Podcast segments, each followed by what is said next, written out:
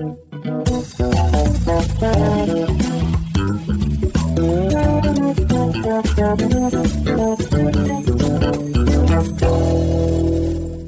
الخير. على كل الكتاب اللي إحنا هنتكلم عليه النهارده هو كتاب أم الدوبامين بتاع الدكتورة أنا.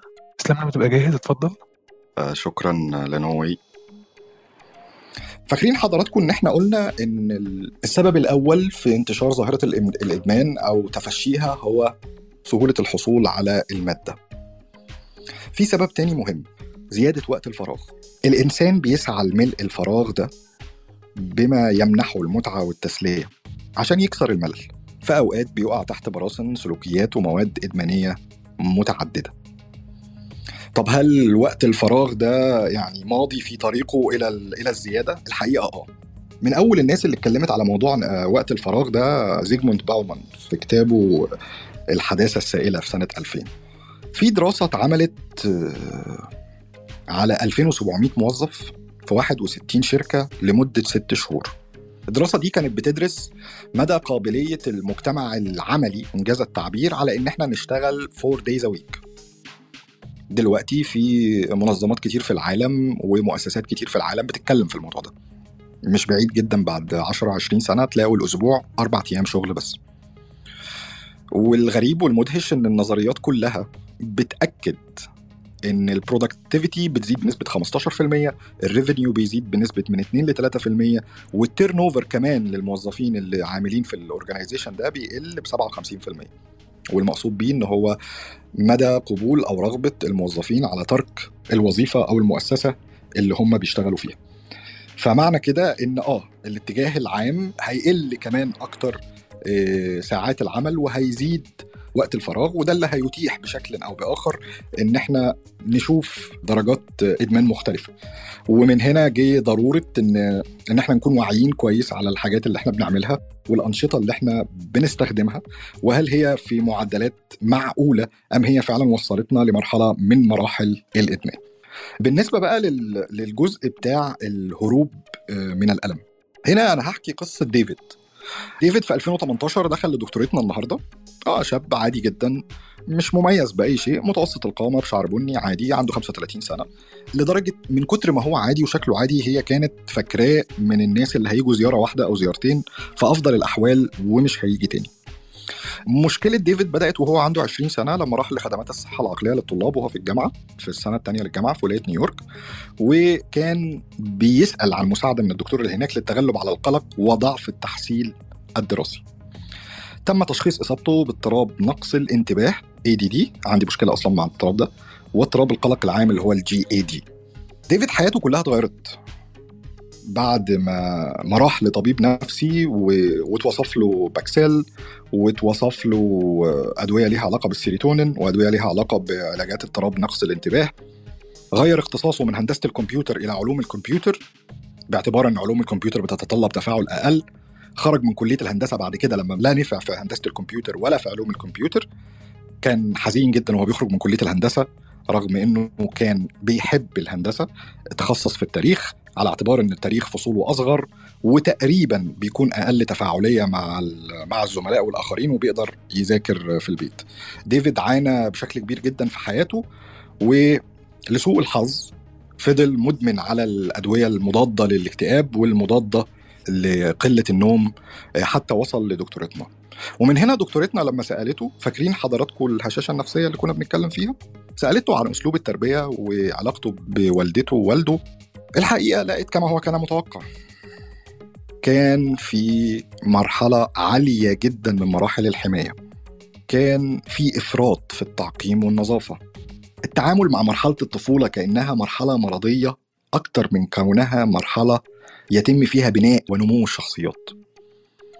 بعض الآباء والأمهات بيتعاملوا مع الأطفال على إنهم في خلايا. خلايا يجب حمايتها من كل شيء بشتى الوسائل من أي أذى محتمل دون تجهيزهم بالأدوات اللي هيواجهوا العالم بيها بعد كده. إحنا في حقيقة الأمر ما بنحميش أطفالنا. إحنا بنخليهم يخافوا من كل حاجة.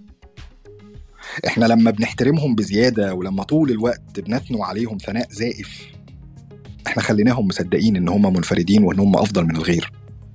لما أخفينا عنهم عواقب العالم الحقيقي سواء العملي منه أو المهني خليناهم أقل تحملا وأكثر استحقاقا وأكثر هروبا من المسؤولية. لما استسلمنا لكل رغباتهم إحنا شكلنا عنصر جديد من عناصر اللذة وخليناهم ما يشوفوش أصلا عيوب شخصياتهم. الكلام اللي قاله ديفيد للدكتورة في الوقت ده كان كله إنه كان بيتقال له اعمل اللي أنت عاوزه في الوقت اللي أنت عاوزه بالطريقة اللي أنت عاوزها. هو ده اللي خلى ديفيد آه، يلجأ للإدمان.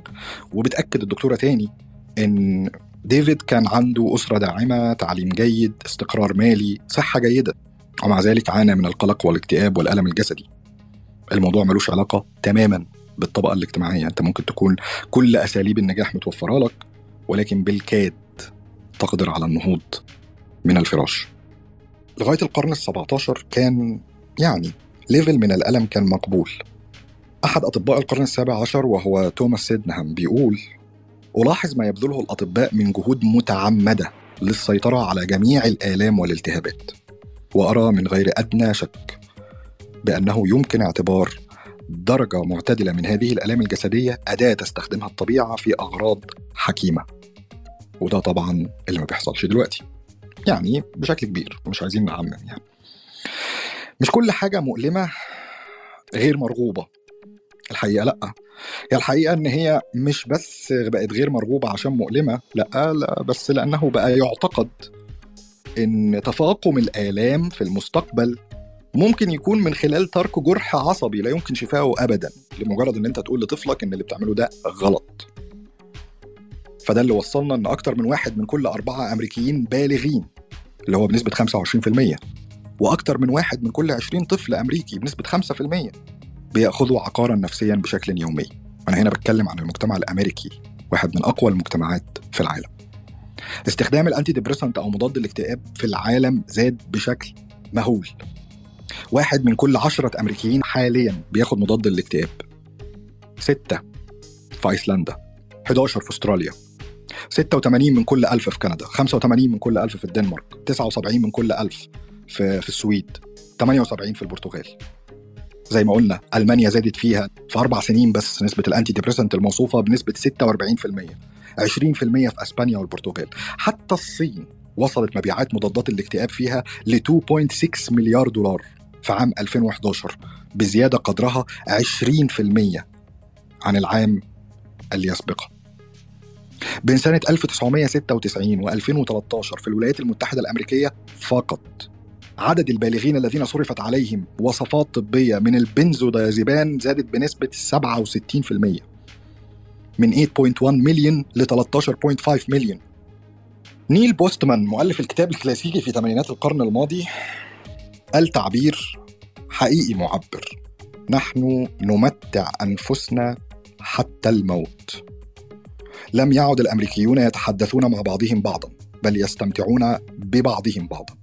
إنهم لا يتبادلون الأفكار هم يتبادلون الصور. لا يناقشون القضايا بل يناقشون حول المظهر الجيد والمشاهير والإعلانات التجارية. كده أنا خلصت الجزء الثالث بأرقامه. حاولت إن أنا ألقي الضوء على بعض الأرقام اللي ليها علاقة بال antidepressant وكمان ال anxiolytics وتأثير الدوبامين في الدماغ. نبدأ بقى فصل الرابع. ده من أهم فصول الكتاب وهو كيفية التعامل مع الدوبامين وده اللي سميته الكاتبة بال self-binding خليني أقول إن الكاتبة كانت مميزة جدا في طرحها للموضوع ده بإنها قسمت الموضوع على حسب حروف كلمة دوبامين. دوبامين D O P A M I N E هي دي الخطوات في رأي الدكتورة طبعا اللي محتاجها أي حد إن هو يلتزم بيها. عشان يقدر يتخلص من فرط إفراز أو تحفيز الدوبامين جراء نتيجة بعينها. طيب أول حاجة D هي ال data. مهم جدا عند أي حد بيحاول التخلص من أي عادة أو إدمان لأي شيء أو لأي فعل أو لأي مادة إن هو يكون صريح جدا مع نفسه. صريح جدا مع الدكتور اللي هو بيتناول معاه القضية صريح جدا مع الشخص اللي هو هيستعين بيه سواء كان صديق أو سواء كان أحد الأحبة. أنا هنا بتكلم لو إدمان مادة عادية إدمان قراية مثلا أو إدمان السوشيال ميديا وهكذا. مهم جدا إن إحنا يبقى قدامنا مجموعة من الحقائق إن إحنا نبقى عارفين إحنا بنعمل العادة دي بمعدل قد إيه بنعملها كم مرة آه، بنستهلك قد إيه بنصرف قد إيه وهكذا. مهم إن إحنا يبقى عندنا ال data وبعد ما يكون عندنا ال data مهم إن إحنا نتأكد إن العالم المعلوماتي اللي موجود في دماغنا العالم المتخيل اللي موجود في دماغنا هو في نفس ذات الأمر هو نفسه العالم الواقعي. يعني ما نكونش إحنا عايشين في عالم غير العالم المحاط حوالينا. ده بالنسبة لل- لل data. ال objectives ده حرف ال O دوبامين D data O objectives إحنا ليه بنعمل كده؟ ليه بتفرج على أفلام إباحية؟ ليه بشرب سجاير؟ ليه بعمل online shopping ليه بشرب كوكايين ليه بروح الجيم كل يوم لدرجة إن عضلاتي تعبت ليه باكل من بره كتير ليه بقرا قصص بعينها بشكل معين ليه؟ مهم جدا إن يبقى إن إحنا نعرف ال objectives هل هو هروب من قلق؟ هل هو هروب من واقع؟ هل هو رغبة في اللذة؟ هل هو شعور زائف بالنجاح؟ هل هو رغبة في التطور؟ هل هو مثلا تشبه أو تقلد بالغير؟ مهم إن إحنا نعرف ال objectives لأن بمعرفتنا لل objectives دي هنقدر نوصل إن تحقيق ال objectives دي ممكن يتم بأساليب مختلفة غير إدمان الفعل اللي إحنا بنقوم بيه. تالت حاجة وهي ال problems وموضوع ال problems ده مهم. مهم ليه؟ طبعا المقصود هنا ال problems اللي associated بال addiction مشكلة ال- التعاطي أو الاستهلاك المفرط القهري لأي مادة أو لأي فعل إن طول ما إحنا صغيرين أو طول ما إحنا شباب ال turning point اللي بيتقلب فيها الآثار السلبية بتبقى أكتر من كفه الآثار الإيجابية غالبا بتبقى بعد فترة ليست بالقصيرة. لو أنا مدمن لشيء هو غالي نسبيا. لو أنا معايا فلوس طبيعي إن أنا هبدأ أحس بالأثر السلبي الناتج عن إدمان الفعل ده بعد تكراره لسنين اللي بدأ فيها يتأثر داخلي. المشاكل اللي ليها علاقة بالصحة مثلا. المشاكل اللي ليها علاقة بالتلف الكبدي أو التلف الدماغي أو تلف أحد الأعضاء أو الشعور بالاحباط أو ايا ما كان. غالبا بتكون بعد مرور الزمن ليس بالقليل من تجربة الشعور باللذة والمحفزات. وكذلك المشاكل اللي ليها علاقة بال بالعلاقات الاجتماعية أو العلاقات بشكل عام. ليه؟ لأن في, في بادئ الأمر إحنا بننجح إن إحنا نخفي إدماننا ده عن المحيطين. بنقدر ممكن يبقوا اتنين متجوزين واحد فيهم مدمن على شيء ما بيقدر لمرة والاتنين والتلاتة والعشرة والعشرين إن هو يقدر يخفي تعلقه وإدمانه بالشيء ده. فمرحلة من المراحل ودي بتبقى متقدمة في في السن مش متقدمة اللي هو عجز بس يعني مش في بداية مرحلة الإدمان بنبدأ نحس بإن لأ السلبيات بقت كفتها أعلى بكتير من الإيجابيات. ومن هنا تيجي مشكلة الاويرنس إن الأطفال الصغيرين الشباب الصغيرين قوي ما بيشوفوش الأثر السلبي للمواد المخدرة أو للأفعال القابلة للإدمان عليها على أجسادهم. ليه؟ لأن هم ما زالوا مفعمين بالحيوية والصحة. ومن هنا ما بيبقاش ناضج قوي فكرة إنه ليه اضرار سيئة سواء كانت نفسية أو جسدية. فلازم يبقوا aware بده. النقطة الثانية في نقطة ال problems برضو إن تحت التاثير ال- الفعل الإدماني بيبقى الشخص أصلا عاجز عن تبني رأي حكيم سديد موضوعي محايد في إن هو يحكم أصلا على السلبيات والإيجابيات. بمعنى إن تحت تأثير وطأة الإدمان الشخص نفسه ما بيبقاش قادر حتى لو هو ماتيور انف وحتى لو هو قادر في ظروفه الطبيعية إن هو يعرف السلبيات والإيجابيات بتاعه تعرضه للإدمان فهو في وضع غير طبيعي لا يتيح ليه إن هو يعرف فعلا سلبيات ما يقوم به سواء دلوقتي أو بعد كده. النقطتين دول يخلونا نحط عينينا بشكل كبير على فكرة المشاركة. سواء بقى المشاركة دي كان ليها علاقة بالأهل أو بالأسرة أو بالأصدقاء أو بالحبيب أو بالدكتور أو بالطبيب أو بالمعالج. مهم جدا جدا الدور اللي بيلعبه في رحلة التعلق بالشيء مش بس عشان ندفعه في إن هو يبطله لأ عشان كمان نحاول نوري له ال- الآثار السلبية حتى لو هي واضحة بشكل كبير ولكن في حقيقة الأمر هو لا يراها أو هي لا تراها فعلا. ليه؟ لأنها غير مؤهلة سواء كان عشان قلة خبرة أو سواء كان عشان عنفوان صحي أو حتى عشان قلة قدرة على التركيز. النقطة الرابعة وهي ال abstinence أو التوقف. وموضوع التوقف ده برضو مهم جدا. خلينا نكون صرحاء. محدش هيقدر يتوقف عن ال smartphones محدش هيقدر يتوقف عن ال social platforms. صعب جدا إن أنت تتوقف على ال online shopping أو ال sound box مش هيحصل. حتى لو أنت واصل لمرحلة من مرحلة ال addiction الحاجات دي بقت built-in في حياتنا اليومية. كما وإن في عامل تاني إن الحاجات دي لا تضر بالآخرين. يعني كونك مثلا بتقرأ كتير أو بتروح للجيم كتير أو بتقرأ نوع معين بشكل كبير أو بتعمل لا تؤثر بشكل مباشر على المحيطين بيك. فخلينا في مرحلة التوقف دي نقسم الإدمان أو التعلق إلى نوعين. نوع ليه علاقة بالصفات الحياتية والاوبشنز اللي موجودة حاليا في حياتنا ودي اللي ما نقدرش بحال من الأحوال إن إحنا نتوقف عنها ولكن نقدر إن يبقى هدفنا إن إحنا نحدد ده إن إحنا نستهلكها استهلاك رشيد بين قوسين. وهنعرف في النقطة الأخيرة إزاي أراعي المكان والزمان والمعنى وإزاي أقدر أفرض درجة من درجات الالتزام الذاتي على إن أنا ما استهلكش استهلاك مفرط سيء يعود عليا بالضرر وقد ينال من حظ أفعال أخرى قد تكون أكثر أهمية. ده بالنسبة للإدمان على الأفعال أو السلوكيات الاجتماعية العادية اللي موجودة في حياتنا. لكن النوع التاني بقى اللي هو الإدمان بمعناه المعروف. إدمان على المواد المخدرة إدمان على الأدوية الإدمان على الكحول الإدمان على المواد الإباحية. في أنواع إدمان هي مضرة بشكل أو بآخر مش بس على الشخص ولكن كمان على المحيطين بيه. الدرجة دي من درجات الإدمان أو النوع ده من أنواع الإدمان بيلزم عنه الإشراف الطبي. مش بيستحسن ولا بيتطلب ولا بيستحب لأ هو بيلزم عنه الإشراف الطبي. واحدة من أشهر علماء الأعصاب اسمها نورا فالكو كانت عملت تجارب كتير عشان تقدر تحدد بالظبط إيه تقريبا كده المدة الزمنية الكافية لأن أنت تقلع مثلا عن إدمان مادة معينة أو فعل معين عشان تضمن إن أنت ما ترجع لهاش تاني. وحددت المدة دي بأنها أربع أسابيع. بتجارب برضو على الفئران ودرجة وقياسها للمحفزات أو لكميات الدوبامين المفرزة من عقول الفئران بعد حصولها على جرعات مختلفة من المحفزات ثم بعد ذلك توقف هذه المحفزات وظلت يوميا تقيس معدلات إفراز الدوبامين وجدت إنه مش أقل من أربع أسابيع من الإقلاع عن المادة المخدرة حتى تستطيع أن تقول إنك تخلصت نهائيا بشكل كامل عن إدمان المادة اللي أنت مدمن عليها. ولكن كتير قوي قوي من الدكاترة وسواء كانوا علماء الاجتماع أو علماء الطب النفسي أو علماء علوم الأعصاب ما اعتمدوش على الكلام ده.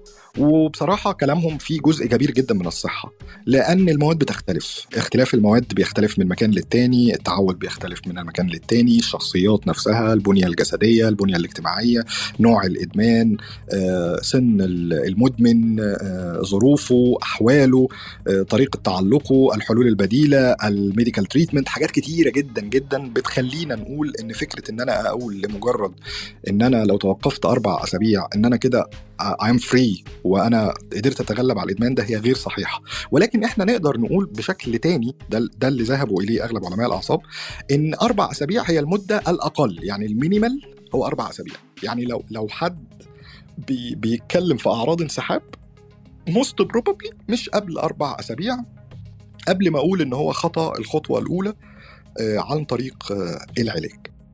ونقطة ال abstinence دي لازم يكون مقرون بيها الإشراف الطبي لأن التدرج حتى في الجرعات أو التدرج في المادة المدمنة ممكن ينتهي بالأمر بالانتكاس. والامتناع التام ممكن يؤدي للموت في بعض الأوقات لا قدر الله. وعشان كده ضروري جدا جدا جدا جدا إن في حالات إدمان الكحول أو العقاقير أو المواد المخدرة لابد أن تكون تحت إشراف الطبيب المختص. قولا واحدا مفيش حد بيقدر يتعالج من الإدمان عشان ثلاثة أربعة أصحابه قالوا له يتعالج إزاي؟ أو إنه يروح مثلا يسأل واحد كان مدمن قبل كده أو آه، يفتح اليوتيوب ويشوف أو يقرأ كتاب ويشوف لا الكلام ده مش صحيح. بالنسبة للحالات دي تحديدا وللدرجة دي تحديدا فيجب اللجوء إلى الأطباء. آه، ليه؟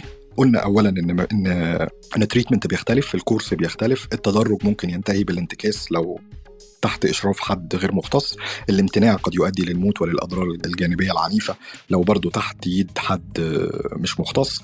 لو فاكرين حضراتكم موضوع ال- الآلام كنا اتكلمنا في موضوع الدوبامين وقلنا إن في آلام ليها علاقة للمدمن بس ملهاش علاقة بالإدمان نفسه.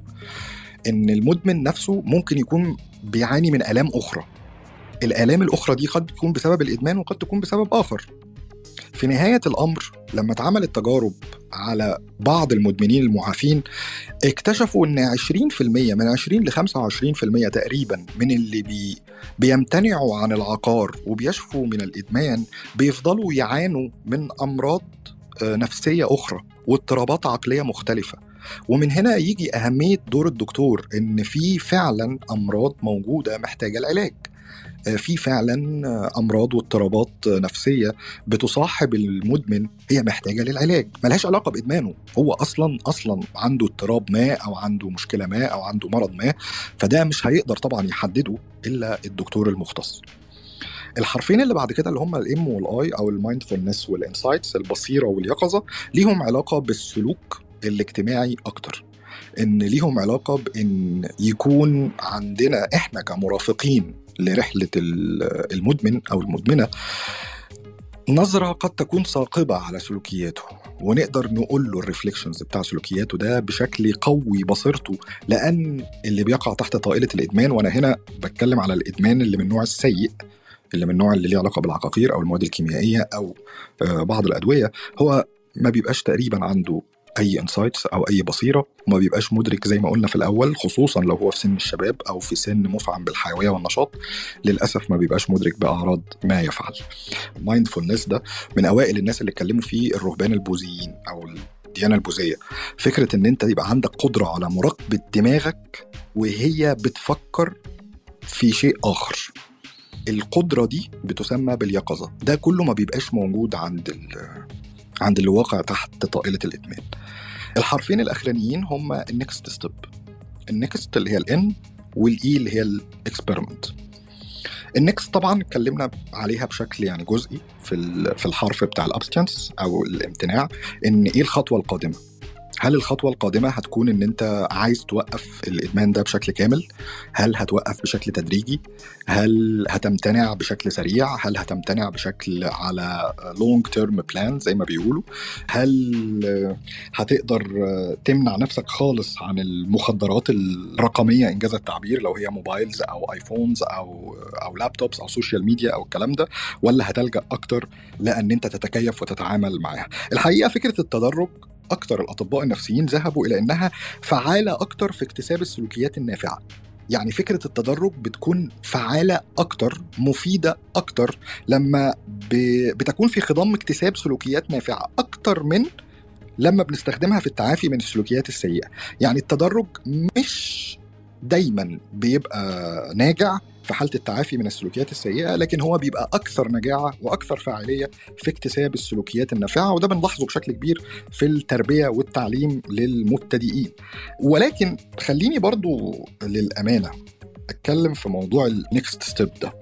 الدكتورة لمحت في جزء مش بسيط وبشكل واضح جدا في ال- في الكتاب إن هناك جدل مستمر في مجال طب الإدمان حول ما إذا كان الأشخاص الذين يتعاطون المخدرات بطريقة تسبب الإدمان يمكنهم العودة إلى الاستخدام المعتدل أم لا. لعقود من الزمان كان الاتجاه العام هو الامتناع عن ممارسة السلوك الإدماني هو الخيار الوحيد للأشخاص الذين يعانون من الإدمان. ولكن الأدلة الناشئة تشير إلى أن بعض الأشخاص الذين استوفوا معايير الإدمان في الماضي وخاصة أولئك الذين يعانون من أشكال أقل حدة في الإدمان يمكنهم العودة إلى استخدام المخدر المفضل لديهم بطريقة خاضعة للرقابة. وقد أثبتت ذلك في تجاربي السريرية. هنا الدكتورة بتتكلم عن نفسها. بس برضو رجعت وقالت باللفظ كده سأكون مقصرة إذا لم أشر إلى أن هدف الاعتدال أو التدرج خاصة للأشخاص الذين يعانون من إدمان شديد يمكن أن يؤدي إلى نتائج عكسية مما يسهم في تصعيد حاد في الاستخدام بعد فترة من الامتناع. يشار إليه أحيانا باسم أثر انتهاك الامتناع. يبقى موضوع هل تدرج أو منع تام كامل سريع ده اللي بيحدده الدكتور. وفي مجال طب الإدمان نفسه ال clinical experience للدكتور بتفرق بشكل كبير. كل دكتور بيبقى عنده خبرته التي يجب أن نقف أمامها احتراما اللي بتخليه بيميل أكتر على حسب نوع الإدمان وعلى حسب سنه وعلى حسب ظروفه وعلى حسب الأمراض المصاحبة ليه. إذا كان ال next step هتكون هي الامتناع التام ولا التدرج. ولكن المهم في النقطة دي إن إحنا نقول إن سابقا كان الاتجاه الأعم والأشمل هو الامتناع التام. حاليا ده اتغير. الموضوع بقى 50 50 راجع لل clinical experience بتاعت الدكتور. طبعا لما بنتكلم على المخدرات الرقمية زي ما اتكلمنا على السمارت فونز والفيديو جيمز والسوشيال بلاتفورمز والاونلاين شوبينجز الحاجات دي صعب جدا إن أنت طبعا تمتنع عنها امتناع كامل لأن هي أصبحت جزءا لا يتجزأ في العديد من جوانب حياتنا.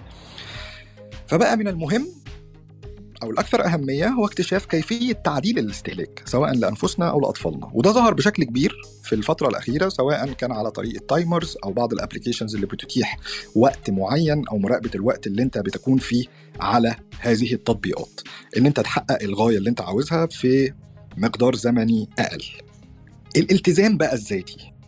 سؤال سهل ممكن أي حد يسأله. طب يا عم إحنا أنا أنا هوقف وأنا قلت إن أنا هوقف وخلاص. ايا كان سواء كان الحاجة دي ليها علاقة بال physical addiction أو ال psychological addiction أنا أقدر أوقفه. الحقيقة لأ. الالتزام الذاتي مش مسألة إرادة فقط. آه المسؤولية الشخصية بتلعب دور مهم جدا.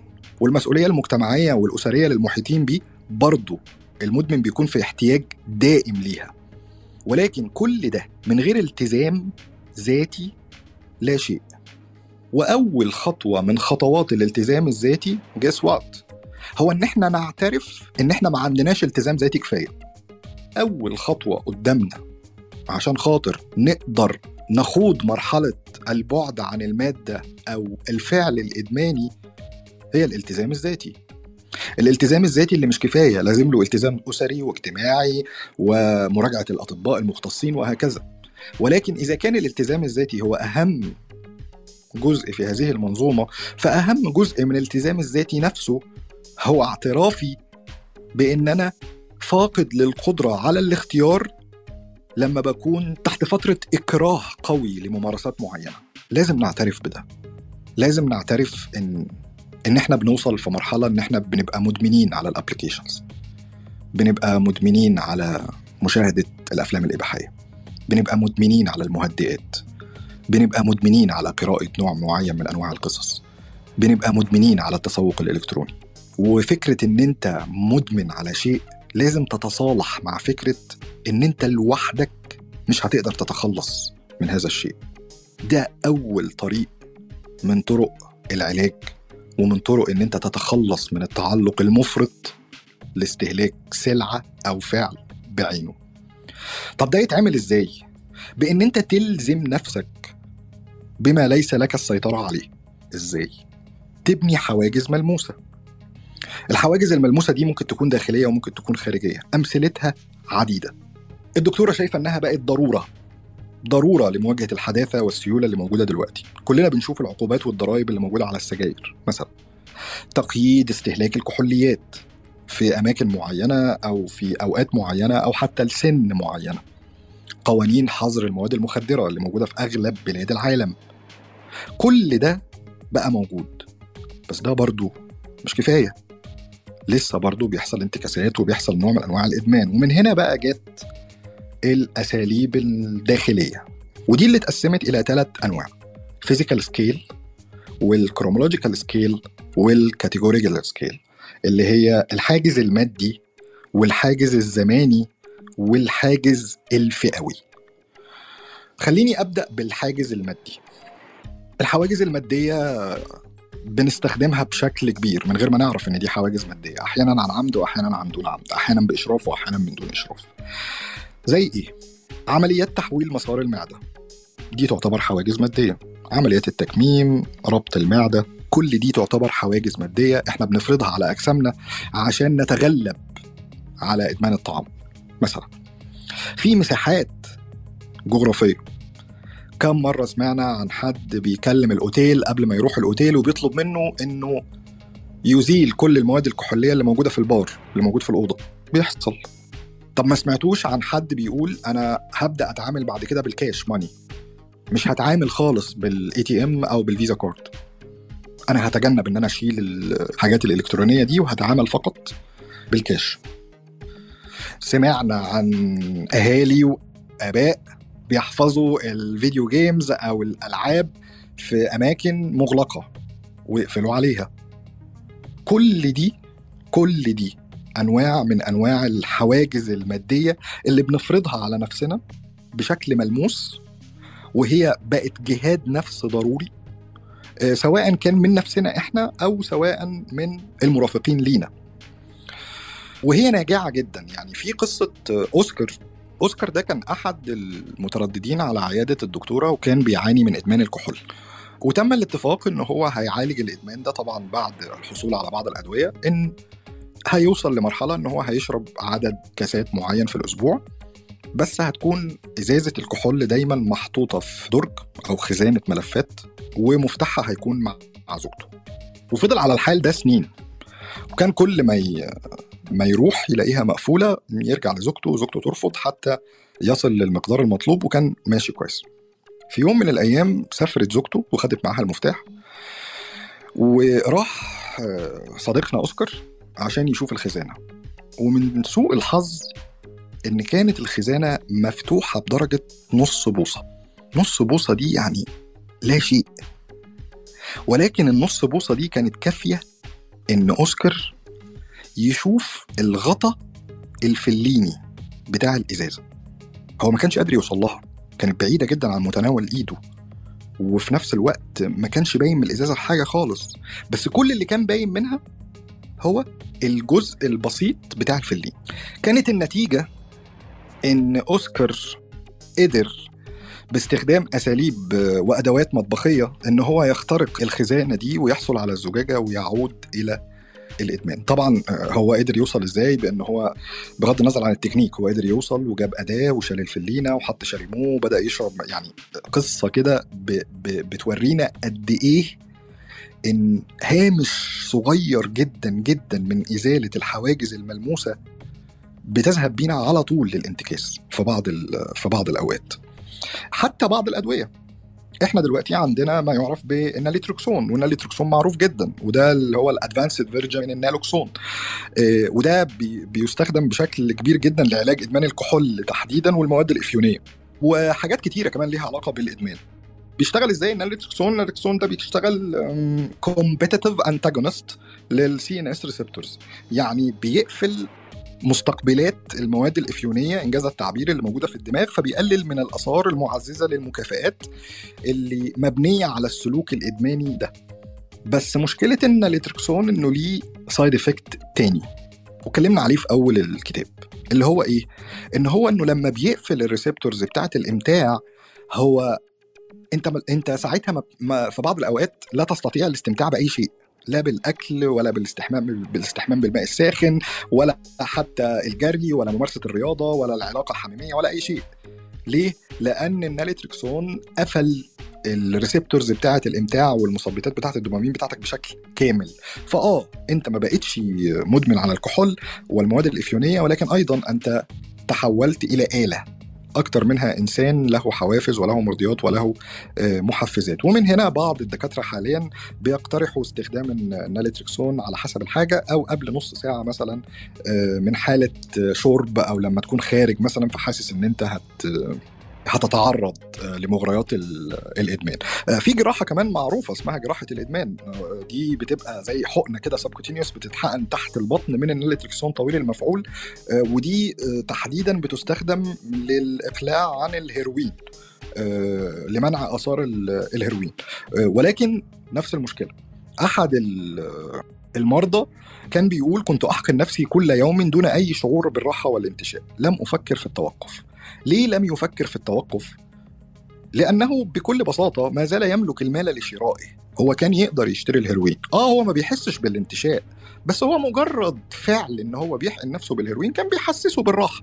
فبعد ست شهور عاد الشعور لذلك أنا هنا الآن. وراح برضه لنفس الدكتورة وقال لها أنا عايز أتوقف رغم إن هو عمل حتى لجأ لجراحة آه الادمان آه النوع الثاني اتكلمنا عليه اللي هو ال disulfiram بيعمل accumulation لل acetaldehyde لأنه بيمنع ال acetaldehyde dehydrogenase فبيسبب زيادة في فكرة ال acetaldehyde أو في مادة ال acetaldehyde اللي ليها علاقة بال dehydrogenation بتاعه.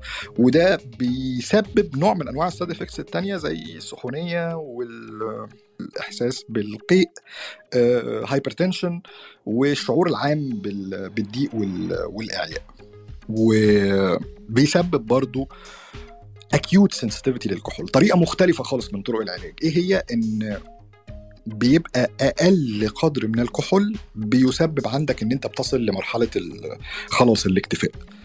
أدوية موجودة. كل دي تعتبر أنواع من أنواع الحواجز المادية سواء كنا بنفرضها على نفسنا أو بتفرض علينا. جهاد النفس الزمني أو الحواجز الزمنية زي إيه؟ الحدود الزمنية يا جماعة خطوط النهاية فكرة إن أنا أنا مش هعمل ده إلا في ال weekends بس مش هعمل ده إلا في العطلات في الأجازات.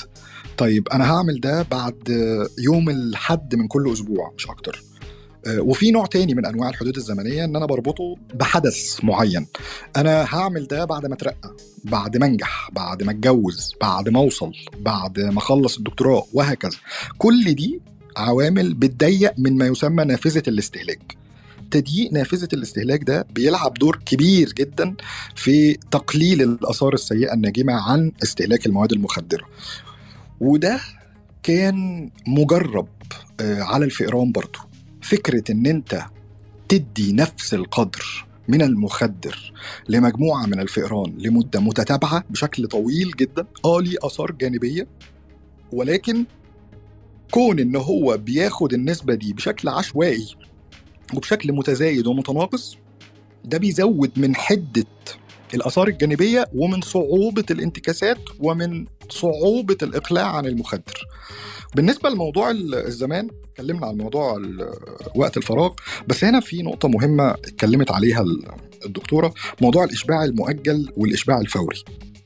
مجموع الإشباع المؤجل والإشباع الفوري ده مهم.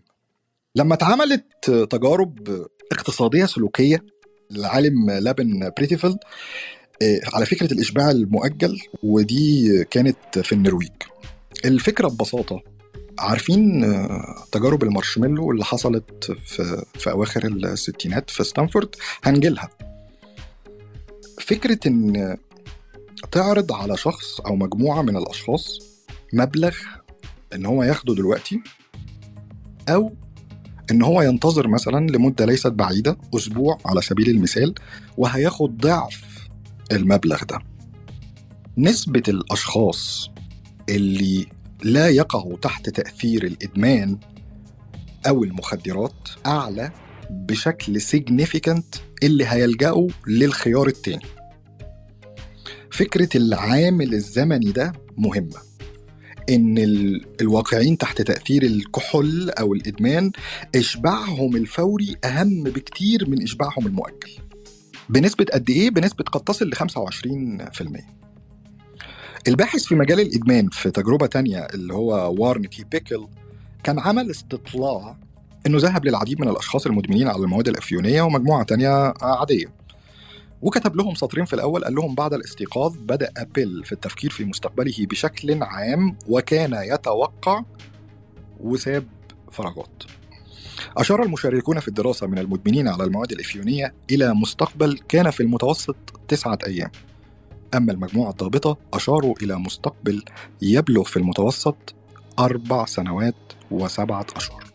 يوضح هذا الاختلاف المذهل كيف تتقلص الآفاق الزمنية عندما نكون تحت سيطرة مخدر بسبب الإدمان فدي مهمة لأن نسبة 25% زيادة في الخاضعين تحت مخدر الإدمان إن هو يختار الخيار الأول والإشباع الفوري دي نسبة عالية جدا إيه اللي يخلينا نقول إنها عالية؟ إن تجربة مماثلة وهي تجربة معروفة واسمها حلوى المارشميلو اللي حصلت في سجن ستانفورد لما جبنا أطفال كان عمرهم من ثلاث لست سنوات آه، تجربة المارشميلو كانت آه، بسيطة في فكرتها إن إحنا بنجيب أطفال بنحط قدامهم قطعة من حلوى المارشميلو وبنقول لهم لو قدرتوا تقعدوا قدام قطعة الحلوى دي من غير ما تاكلوها لمدة ربع ساعة هيتم مكافئتكم بقطعة حلوى أخرى وهتاكلوا الاتنين. 30% بس من الأطفال هم اللي كلوا قطعة الحلوى الأولانية. لكن أكتر من كده هم اللي قدروا يستنوا. واختلفت الطرق في التعامل مع إزاي هم استنوا. في استنوا بإن هم قفلوا عينيهم في استنوا بإن هم آه، بعدوا خالص عن قطعة الحلوى. وأثبتت بعد كده البحوثات والاستطلاعات إن الأطفال اللي من سن 3 ل 6 سنوات اللي استنوا عشان ينالوا القطعة الثانية من حلوى المارشميلو. هم برضو نفس الأطفال اللي لما كبروا آه، جابوا درجات أعلى في السات وكانوا أكثر ذكاء وكانوا أكثر آه، موهبة وحرصا على الالتزام بالأخلاق والتقاليد. الموضوع ال take home message اللي أنا عاوز أقولها هنا اللي واقع تحت تأثير الإدمان في بعض الأوقات بيصل بتفكيره لنفس النسب بتاعة الطفل من 3 ل 6 سنوات. من 25% ل 30% أو ل 33% مش هو ال big difference أنا ليه بقول كده؟ بقول كده عشان تسقطوه على كل ما سبق سواء بقى كان التعامل مع المخاطر أو التعامل مع الأزمات أو تحمل المسؤوليات أو محاولة إيجاد العواقب أو النظر للأمور بعين مجردة. في أوقات كتير بتكلم شخص قوته العقلية لا تتعدى في لحظة نشوته القصوى طفل من ثلاث لست سنوات. بالنسبة لزيادة أوقات الفراغ إحنا اتكلمنا عليه ولكن في حاجة زيادة هنا افرضت لها برضو الكاتبة مساحة وهي طبيعة العمل. اليوم المعتاد للعامل العادي في الولايات المتحدة الأمريكية قبل الحرب الأهلية سواء بقى كان في الزراعة أو في الصناعة كان تقريبا بيتكون من العمل يعني من 10 ل 12 ساعة كل يوم. ست أيام ونص في الأسبوع. 51 أسبوع في السنة. مع عدم قضاء أكثر من ساعتين في اليوم من النشاط الترفيهي. طب دلوقتي زاد مقدار وقت الفراغ في الولايات المتحدة الأمريكية بمقدار 5.1 ساعة في الأسبوع بين عامي 1965 و 2003 أي 270 ساعة ترفيه إضافية في السنة. بحلول عام 2040 سيكون عدد ساعات الفراغ المتوقعة في يوم عادي في الولايات المتحدة الأمريكية حوالي 7.2 hours. وهيبقى معدل الساعات في العمل اليومي 3.8 وفقط. بالنسبة للبلدان الأخرى ذات الدخل المرتفع فهي مماثلة تقريبا لهذه الأرقام. يعني مش بس الوفرة وعالم الوفرة اللي بقينا عايشين فيه والسيولة المعلوماتية هو اللي بيأثر على زيادة أوقات الفراغ مش بس سهولة الحصول على المعلومات أو سهولة الحصول على المواد المخدرة أو حتى الأفعال المخدرة ده كمان طبيعة العمل نفسها. اللي بيفرضها علينا المجتمع الدولي دلوقتي بتزود من أوقات الفراغ اللي بتتاح إلينا. بالنسبة بقى للحاجز الفئوي وده العامل الثالث والأخير كان المريض ميتش مدمن على المراهنات الرياضية. خسر مليون دولار في في القمار لما كان عنده 40 سنة بس. وكان طريقه للعلاج عشان يقدر يتعالج هو مش بس امتنع عن المقامرة لا هو امتنع عن كل شيء ليه علاقة بالرياضة. امتنع عن مشاهدة الرياضة على التلفزيون. قراية الصحف الرياضية. تصفح مواقع الإنترنت الرياضية. الاستماع للإذاعات الرياضية. حتى كل الكازينوهات والنوادي في منطقته كلمهم في التليفون ووضع اسمه على قائمة الرفض. عشان يتجنب المواد والسلوكيات التي تتجاوز المخدر المفضل لديه. يبقى جهاد النفس الفئوي هو ملوش علاقة بالزمان وملوش علاقة بالمكان هو ليه علاقة بكل ما هو حول هذا الفعل. الصحاب المؤثرات الأماكن الأزمنة النشاطات حتى لو من بعيد. يعني صاحبنا ميتش ده عشان يبطل المقامرة الرياضية هو تقريبا أخرج الرياضة من حياته بشكل عام عشان يقدر إن هو يتوقف عن ده. وده من الحواجز الفئوية اللي هو أصر إن هو يعملها عشان خاطر يتغلب على الإدمان. اتكلمنا على موضوع الضغط على جانب الألم وتحفيز الألم وده موجود تاريخيا. من أيام أفلاطون آه، في تأملات سقراط عند الحكم على سقراط مرورا بقى باستخدام الحمام البارد. آه، وده موجود حتى يومنا هذا عند بعض الرياضيين وبعض رياضيي كمال الأجسام أو حمل الأثقال وبيدعوا إن هو بيسرع من تعافي العضلات. وعلى فكرة بيحظى بشعبية في الوقت الحالي كبيرة إن أنت آه، بعد انتهاء من دش ساخن بدقيقة على الأقل يجب أن تنهي هذا بالاستحمام البارد. وفي ناس بتبدأ حياتها كمان بالاستحمام بماء بارد وبيصل الأمر في بعض الأمور إن بعض الأشخاص معتادين على إغراق أنفسهم لمدة لا تقل عن عشر دقائق كل يوم صباحا في حوض من الماء المثلج بشكل كامل. فكرة العلاج بالألم موجودة حتى في كتاب أبقراط في سنة 40 قبل الميلاد. العلاج بالكهرباء والصدمات الكهربائية التمارين الرياضية الحجامة الإبر الوخز الكي كل الأساليب دي بتأكد على مدار التاريخ الإنساني كله واللي بدأت دلوقتي تستعيد عافيتها إن قدر من الألم لا بأس به. القليل من الألم يقلل من الألم الشديد. زي ما قالوا أطبائنا فيما قبل ذلك. لأننا إذا تمادينا بشدة في استخدام الألم وده اللي مهم جدا ممكن استخدام الألم ده نفسه يتحول إلى مخاطرة ويتحول إلى إدمان. فيجب برضو أن ده يحصل تحت آه تحت الإشراف آه الطبي آه الكامل. آخر جزء في الكتاب من أهم الأجزاء جزء ال radical honesty الصدق الصارم. ال radical honesty بي play vital role ل achieve ال objectives بتاعة العلاج من الادمان عن طريق العديد من الميكانيزمات إن جاز التعبير. خلينا نقول إن هو الصدق فعل معدي بطبعه. مش بس معدي للآخرين في أساليب العلاج لا هو معدي كمان في رحلة العلاج نفسها وبيشكل نوع من أنواع الأهداف الاستراتيجية والتحفيز الإضافي للوصول للعلاج ده إزاي؟ كتير جدا بنسمع عن قصص لما بيكون مثلا في فردين من الأسرة مدمنين وواحد فيهم بيتعافى نسبة نجاح الشخص التاني في التعافي بتبقى أكبر نسبة تعافي أحد الزوجين من إدمان الكحول مثلا في حالة تعافي الزوج من الإدمان بتبقى أعلى.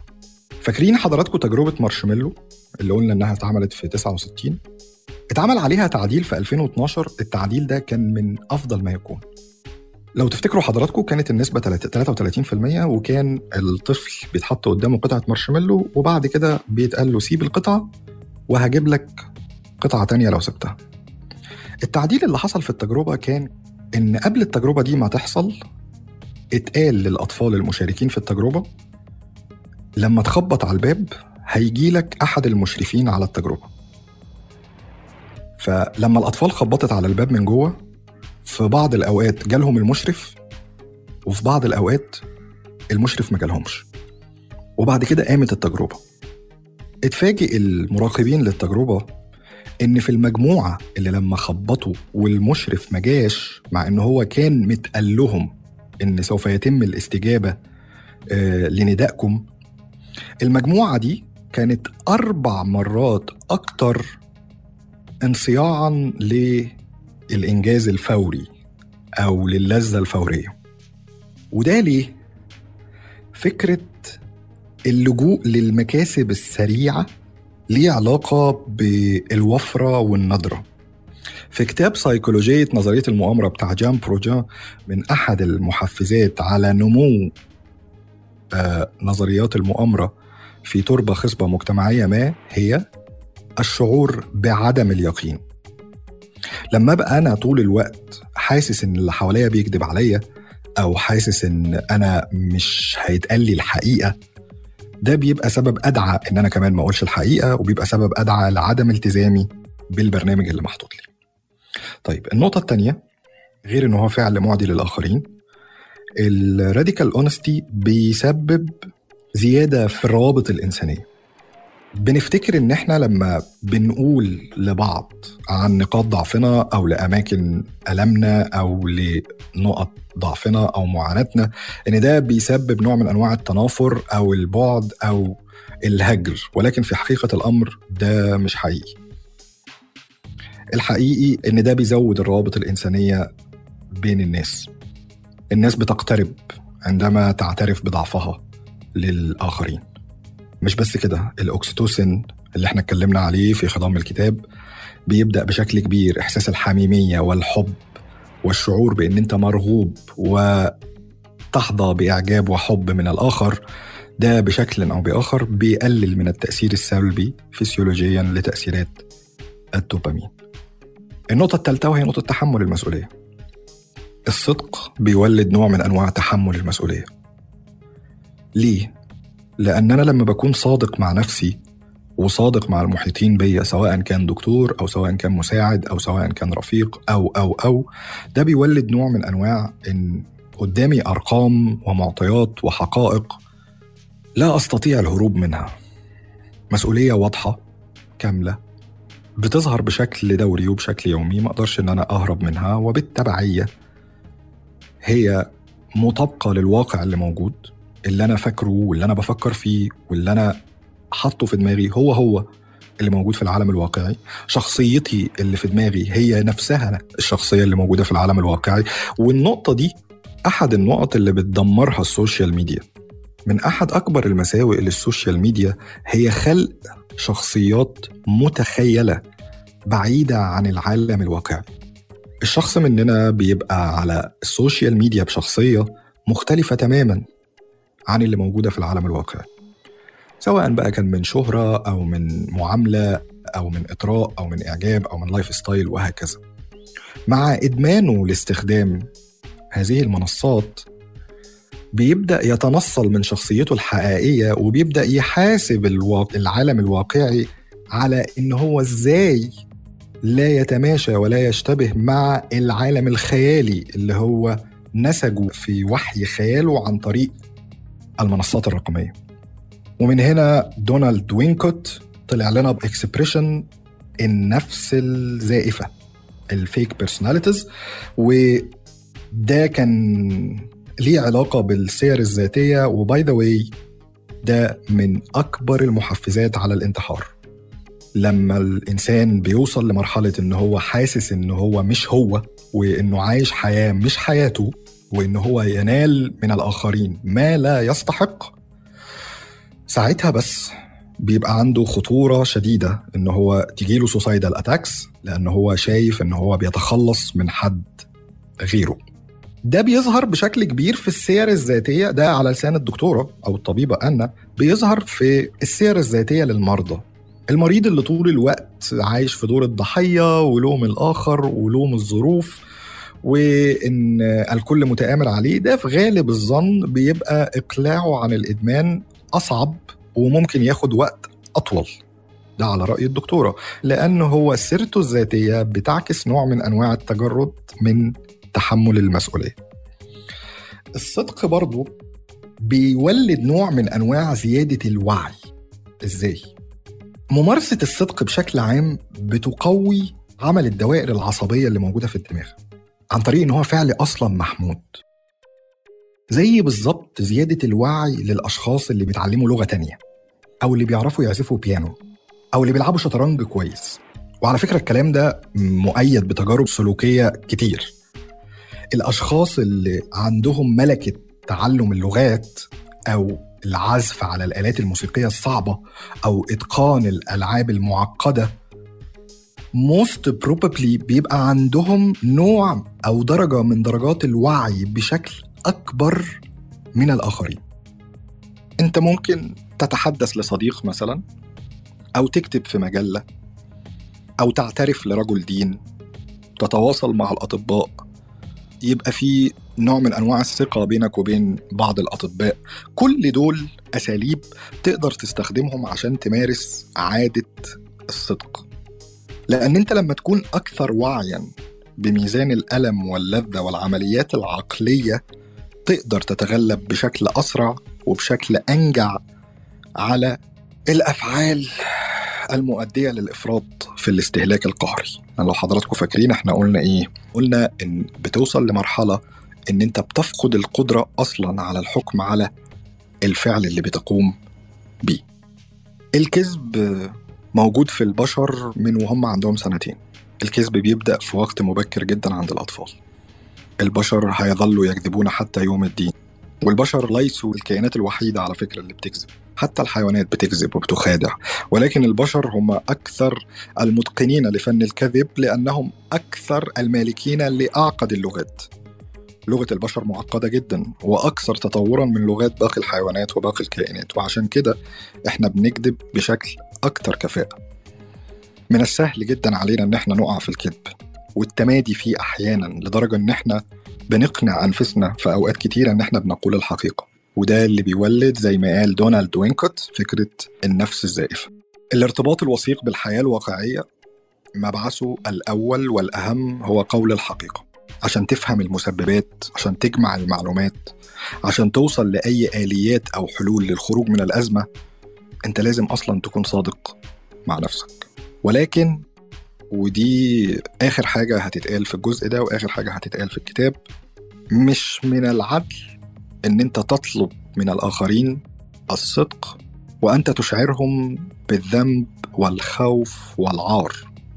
أنا عشان أطلب منك إن أنت تقول الحقيقة وتكون صادق مع نفسك ومع دكتورك ومع الآخرين أنا لازم أوفر لك مساحة من إن أنت تشعر أنك لست وحيدا وأن ثمة هناك أشخاص آخرين يعانون نفس المعاناة وأن هناك مكان ما يمكن له أن يحتويك.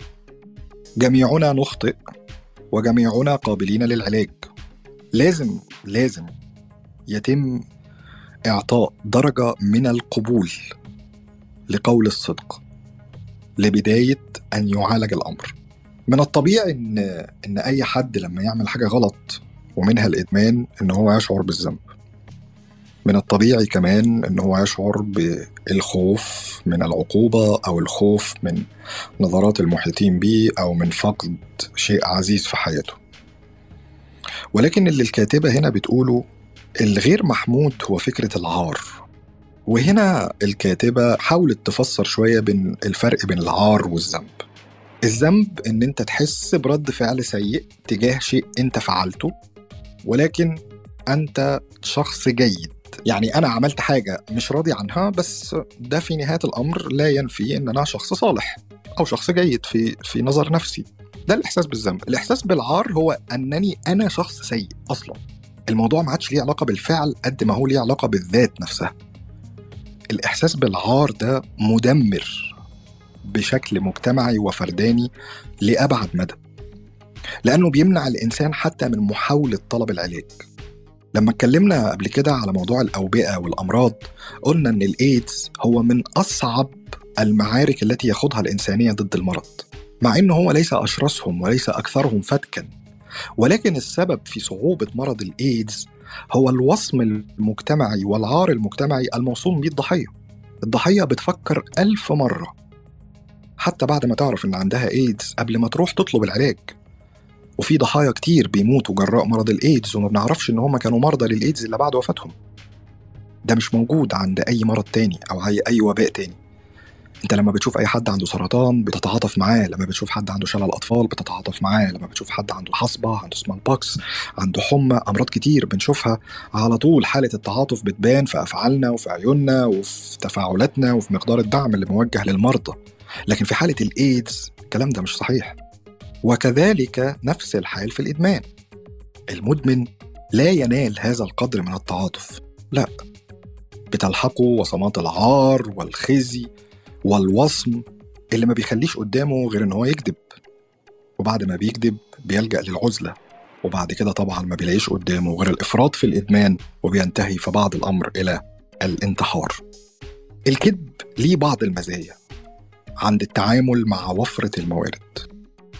ولكن أيضا عند التعامل مع حالات الإدمان ممكن إن أنت تعتبر التعاطف والدعم المجتمعي هو أشد وأقوى أنواع الموارد. زمان لما كنا بنصطاد أكلنا ولما كان عندنا نظرة في كل شيء نظرة في الطعام نظرة في فرص العمل نظرة في التزاوج نظرة في البيئة نظرة في التقدم كان الناس بتكذب على بعض. ليه؟ لأنها عايزة تعيش. كان بيكذب عشان ياكل عشان يصطاد عشان يقدر يعيش. كان في نظرة لكن دلوقتي لا مبرر لحالة الكذب دي. المدمن نفس الكلام. لما بيلاقي حواليه مفيش غير الانتقاص والذنب والعار وأحيانا كتير بيبقى العنف والتعنيف والإقصاء طبيعي جدا. إنه يخش في مرحلة من العزلة أو الكذب وبالتبعية الإفراط في الإدمان والانتحار. ومن هنا آخر حاجة كانت حابة تقولها الدكتورة زي ما هو دور الدكتور مهم ودور المريض نفسه مهم والمحيطين بيه مهم توفير المساحة الآمنة للمعترفين بالذنب والمعترفين بالخطأ هو الماء اللي بترتوي بيه نبتة الصدق اللي هي أصلا من غيرها لا يمكن الوصول إلى أي مرحلة من مراحل العلاج لأي إدمان من أي نوع.